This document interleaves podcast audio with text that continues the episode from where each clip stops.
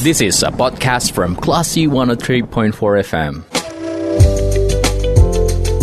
Sumbar melawan Corona, persembahan Yayasan Semen Padang, Semen Padang Hospital, hanya di Classy FM.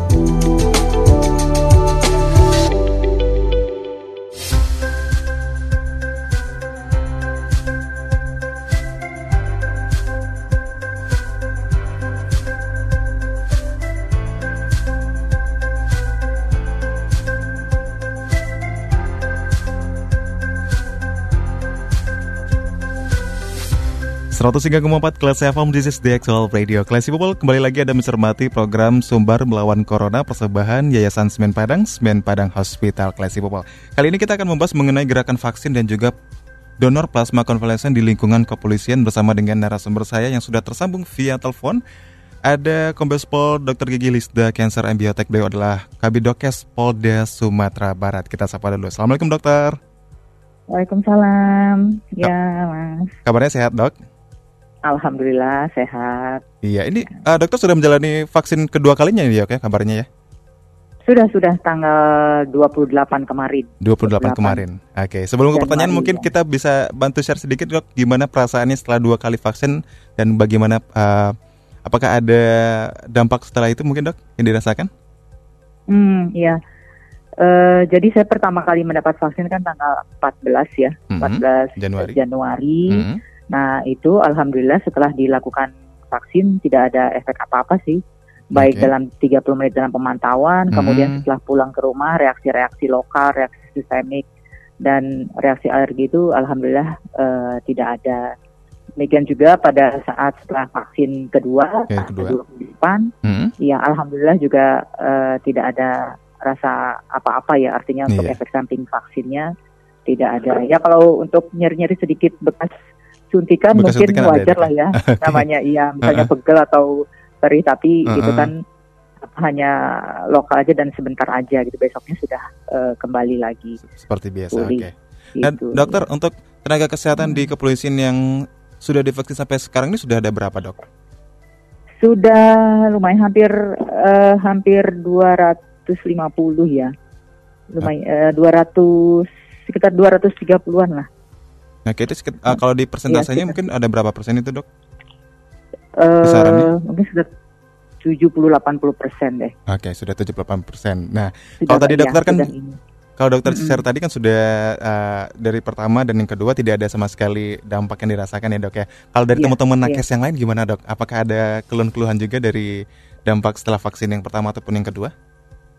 Sama sih nggak ada juga ya gak keluhannya juga, paling keluh nggak ada juga alhamdulillah mm-hmm. kan saya juga pantau teman-teman yang sudah melakukan vaksin ya baik di uh, rumah sakit kemudian mm-hmm. di poliklinik di kita di Lolong gitu mm-hmm. ke termasuk juga yang di poliklinik di Polres-Polres jajaran mm-hmm. alhamdulillah uh, tidak ditemukan artinya gejala yang berarti gitu ya jadi okay. alhamdulillah uh, sejauh uh. ini uh, tidak ada laporan uh, efek samping dan uh. insya Allah aman-aman dan sangat aman relatif gitu ya dok ya dok kalau iya. tadi dokter bilang 78 persen uh, tenaga kesehatan di hmm. uh, Polda hmm. Sumbar sudah divaksin nah 22 persennya iya. kapan akan segera dilakukan vaksinasi dok ini sesuai dengan uh, kebijakan dari Menteri Kesehatan ini tanggal hmm. 21 itu uh, terakhir ya hmm. uh, diharapkan tanggal 21 seluruh nakes uh, selesai divaksin artinya setelah tanggal 21 itu kita mempersiapkan hmm. untuk uh, vaksin anggota uh, Polri. Okay. Jadi diharapkan tanggal 21 itu terakhir selesai. Gitu. Oke, okay, berarti ini juga akan melibatkan nantinya uh, polisi untuk melakukan vaksinasi ini, Dok. Ya, jadi seluruh seluruh anggota Polri, uh, anggota hmm. polisi di Sumatera Barat ya, hmm, hmm. di Sumatera Barat sampai ke Polres sampai ke Polsek itu ah, nanti okay. rencananya mulai divaksin sesuai dengan uh, apa namanya arahan dari Menteri Kesehatan ya mm -hmm. itu dimulai kalau tidak akhir Februari mungkin awal Maret. Oke, okay. akan dilakukan berapa tahap itu dok? Uh, kalau untuk uh, anggota Polri di Sumatera Barat misalnya? Anggota hmm. anggota Polri memang uh, pokoknya kita melaksanakan sekitar Maret dan April. Memang Maret untuk tahap hmm. awal ini ya tahap awal ini kan kita untuk di Sumatera Barat hmm. itu hanya mendapat 30% dari total vaksin yang disiapkan. Oh, karena okay. tujuh karena arahan dari Menteri Kesehatan tadi pagi ya, baru uh, tadi pagi itu. Uh, jadi misalnya ada vaksinnya 100%, 70% itu memang di difokuskan untuk tujuh provinsi yang uh, terdampak COVID yang yang uh, tinggi hmm. ya seperti hmm. Jakarta, Jawa, Jawa Barat, Jawa Timur ya, Jawa Tengah pokoknya yang tujuh provinsi itu akan mendapatkan vaksin uh, sebanyak 70 persen. Okay. Nah sisa 30 persen ini baru akan disebar ke 27 oh, provinsi. Ini untuk tahap uh, pertamanya. Oleh karena hmm. itu polda-polda uh, itu diharapkan untuk uh, memprioritaskan uh, anggota anggotanya yang memang bersentuhan langsung hmm. dengan uh, masyarakat artinya yang uh, resiko terpapar COVID-nya lebih tinggi. Jadi kita harus membuat skala prioritas. Oke. Okay. Gitu. Dok, um, ya. ini berarti 30% dari pusat uh, salah satunya juga akan diberikan ke Sumatera Barat. Nah, jumlahnya itu ya. di Sumatera Barat akan ada, ada berapa vaksinasi ya yang diberikan, Dok? Uh, saya kurang ini untuk jumlahnya ya. Jadi hmm. karena kan kita juga belum tahu jumlah uh, pasti yang disiapkan pusat berapa. Mm-hmm. Jadi nanti kita tunggu tinggal menunggu dari pusat saja disiapkan mm-hmm. uh, berapa.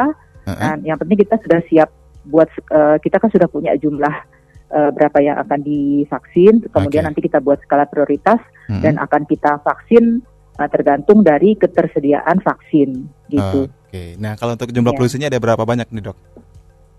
Jumlah polisinya kita ada sepuluh ribu, hampir sepuluh ribu lebih ya. Sepuluh ribu lebih ya? Iya, iya lebih dari sepuluh. Oke. Okay. Iya, ada sepuluh ribu tiga ratus sekian hmm. lah untuk ininya. Baik, dan nanti akan diprioritaskan untuk uh, uh, anggota polisi yang uh, langsung terjun ke lapangan gitu ya dok, yang yang berdekatan ya. atau memiliki risiko tinggi. Ya, ini untuk untuk apa namanya tahap pertama ya, karena uh. keterbatasan jumlah vaksin yang tadi. Nanti setelah prioritasnya itu baru seluruhnya nanti nantinya seluruh anggota uh, Polri akan mendapatkan vaksin. Hmm. Gitu. Jadi ini hanya tahap awal aja karena ketersediaan uh, vaksin tersebut gitu. Oke. Nah, kalau untuk tenaga vaksinator bagaimana, Dok? Sudah ada berapa yang disiapkan untuk melakukan vaksinasi uh, untuk anggota Polri ini? Ya, uh, kebetulan di uh, vaksinator di Polda ini ya di, -hmm. di jajaran ya se Sumatera Barat ini kita memang baru punya itu 16 orang orang, tapi mm-hmm. untuk mengejar kita sampai melakukan vaksinasi ini kita sedang lagi kejar target nih. Mm-hmm. Jadi okay. kita juga sudah mendapat arahan dari uh, pusat ya, dari dalam hal ini dari Pusdokes Polri. Mm-hmm. Jadi uh, hari ini tenaga kesehatan kita dilatih lagi 10 orang dari okay. pusat. Uh-uh. Uh, Polri. Nah, artinya kalau kita sudah punya 16 tambah lagi 10 kan 26 orang. Mm-hmm. Nah, 26 orang ini nanti akan melatih nakes-nakes kita yang lain. Mm-hmm. Gitu. Jadi semacam TOT ya. Jadi nanti setelah mereka selesai latihan ini uh, mungkin beberapa hari ke depan uh, Dokes akan menyelenggarakan uh, pelatihan-pelatihan untuk tenaga kesehatan yang ada di Polres-Polres. Dengan pelatihnya adalah 26 mm-hmm. anggota kita yang sudah dilatih dari pusat ini. Gitu. Jadi diharapkan nanti seluruh Polres di seluruh klinik di Polres itu bisa melaksanakan vaksinasi dan sudah ada uh, vaksinator yang terlatih. Gitu Oke, okay. berarti proses uh, pelaksanaan ya. vaksinasi bagi anggota Polri yang ada di Polda Sumbar ini akan dilaksanakan di setiap klinik ya dok ya, setiap klinik yang ada di ya. Polres. Iya, di Polres karena kan juga itu kebijakan dari pemerintah ya dari uh -huh. Uh, Kemenkes itu bahwa kalau untuk uh, TNI Polri atau uh, pemerintahan gitu ya okay. itu kan Artinya vaksinasinya hmm. itu berbasis institusi. Jadi kalau dulu di Juklak yang lama kan itu berbasis uh, ke, uh, apa Fasiankes ya, hmm. fasilitas pelayanan kesehatan. Nah ini ada kebijakan uh, uh, kebijakan karena kita kejar target ya kalau nggak salah tuh pemerintah punya target satu juta uh, vaksin hmm. per hari nantinya untuk mencapai target biar selesai gitu ya. Hmm. Nah arti uh, akhirnya ada kebijakan bahwa vaksin itu berbasis institusi. Nah, jadi uh, di instansi masing-masing artinya. Nah, jadi hmm. kita juga uh, berupaya bahwa untuk anggota Polri itu dilaksanakan di uh, kantor uh, kepolisian ya. Hmm. Artinya kalau di Polres jadi Mapolres, di Polres Mapolda. Jadi kita berharap semua klinik yang ada di Polres hmm. itu bisa melakukan vaksinasi. Oke. Okay. Gitu, nah, kemudian iya. dokter, kalau ngomongin masalah vaksin, apakah ada mungkin uh, yang kemudian uh, menolak untuk tidak divaksin untuk sementara waktu ini mungkin dok?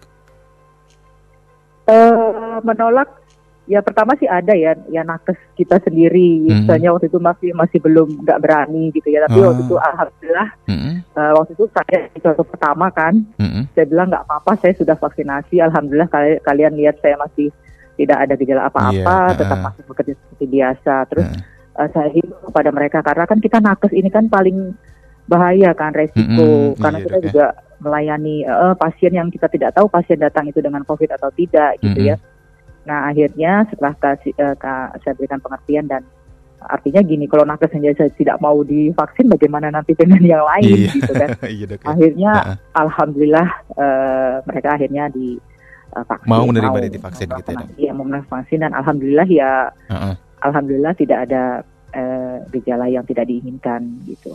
Oke. Okay. Nah, Dok, dari vaksin uh, saya pengen menanyakan masalah donor plasma konvalesen dan kabarnya besok itu akan dilaksanakan di Polda Sumatera Barat ya dok ya? Oh iya, jadi hari Kamis, hari Kamis. Hari Kamis, oke. Okay. Jadi hari, hari Kamis, Kamis uh, ini bekerja sama dengan Kabit Humas uh, Polda Sumbar ya, Kabit Kabit Dokes bersama dengan mm -hmm. Humas Kabit Humas Polda Sumbar dalam rangka Hari Pers Nasional. Oke. Okay. Jadi kami mengadakan uh, bakti sosial donor darah. Jadi donor darah plus juga untuk nanti uh, hmm. donor uh, plasma konvalesen. Oh, berarti Jadi ada, ada dua ada iya. dua donor di ini dok ya? Donor darah iya, biasa dan donor plasma kan, konvalesen. Iya, iya, karena kan kegiatannya sama, itu kurang lebih kan sama. Oh, gitu. Jadi okay. nanti ada kami juga akan untuk dan yang donor darah nanti kami juga kan kami sudah punya tuh data siapa uh -huh. saja yang uh, anggota Polri yang terpapar COVID kan. Uh hmm. -huh. Nah itu nanti kami berikan datanya dan kami himbau untuk uh, donor. Uh hmm. -huh Nah nanti kan uh, yang men-screening itu bisa mm-hmm. mendonorkan atau tidak kan nanti dari teman-teman dari PMI ya. Mm-hmm. Gitu kalau kita hanya menyiapkan uh, data dan uh, anggotanya saja. Oke. Okay. Gitu. Tapi dokter sebelumnya ya. apakah ada mungkin anggota Polri yang dari uh, jajaran Polda Sumbar yang mungkin sudah mendonorkan plasma konvalesennya dok? Kalau Polda Sumbar kebetulan uh, belum ada. Kalau Polda-Polda lain sudah ada ya, seperti uh -huh. di Jawa Timur juga saya rasa oh, okay. sudah banyak itu lebih hmm. dari 100 juga. Kalau Polda Sumbar kebetulan belum ada. Beberapa hari yang lalu atau minggu lalu itu uh, Polresta sebenarnya juga sudah membuat itu, membuat donor darah dan hmm. untuk uh, plasma uh, konvalesen juga, tapi pada saat di screening oleh tim PNI yeah. Iya. uh, banyak juga yang nggak lolos akhirnya iya, dok, ya. akhirnya ketat, uh, ya, belum ya? ada uh -uh. iya jadi jadi akhirnya ya uh, donor darah uh, biasa saja gitu. Jadi untuk plasmanya kebetulan kemarin belum ada yang lulus uh, screening. Ya mudah-mudahan hari Kamis besok ada yang uh, hmm. lolos screening sehingga kita bisa uh, menyumbangkan juga donor iya. Valensin dari Polda Sumbar. Oke, tapi ada target nggak sih dok untuk uh, pendonor ini nantinya? Rencana dari dokter atau mungkin dari uh, Polda Sumbar? Kalau untuk kalau untuk target donor darah biasa sih kita targetnya 300 kantong ya. 300 kantong. 300 okay. kantong. Tapi uh. kalau untuk konvalensen eh, kita nggak kasih target ya karena mm -hmm. nanti tergantung dari iya. uh, screening. Iya, pokoknya kita ya, siapkan. iya. Soalnya kayaknya agak ini juga ya, screeningnya mm -hmm. agak ketat juga itu.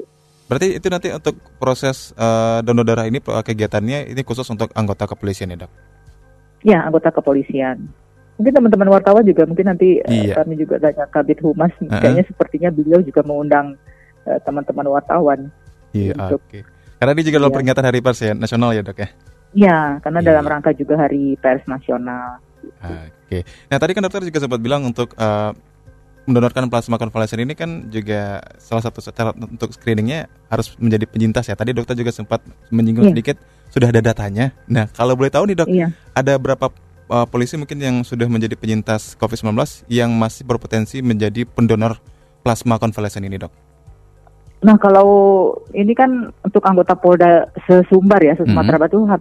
sekitar 900 lah yang penyintas COVID ini. Tapi kalau untuk pas Valensen, nanti kan kita lihat dulu datanya kan karena juga yeah. ada persyaratan tuh, yeah. misalnya uh -uh. yang harus positif sebulan atau tiga bulan gitu ya nanti uh -uh. kita pokoknya siapkan datanya saja nanti uh, koordinasi dengan uh, tim PMI karena dari tim uh -huh. PMI nanti akan screening. Oke, baik. Nah, dokter terakhir harapan dokter dok dengan uh, gerakan vaksin yang dilakukan oleh jajaran uh, Polri termasuk juga di Polda Sumbar, kemudian dengan adanya kegiatan donor plasma konvalesen ini dok, seperti apa? Silakan. Iya, uh, harapannya sih sebetulnya ya pengennya pandemi ini segera berakhir gitu ya. Iya. Karena mungkin kita juga udah udah lelah besar. juga ya. Uh, uh, udah lelah juga dengan iya gitu dari udah lebih dari uh, satu tahun gitu. Kita berharapnya dengan berpartisipasinya masyarakat ya mm. uh, mau divaksin dan juga partisipasi masyarakat untuk membantu rekan-rekan yang sekarang masih sakit untuk mendonorkan plasma konvalescennya ya berharapnya uh, semuanya segera sembuh dan hmm. tidak ada kasus baru gitu ya hmm. sehingga kita bisa uh, hidup uh, normal kembali gitu seperti apa namanya sebelum ada COVID-19 ini. Oke, baik.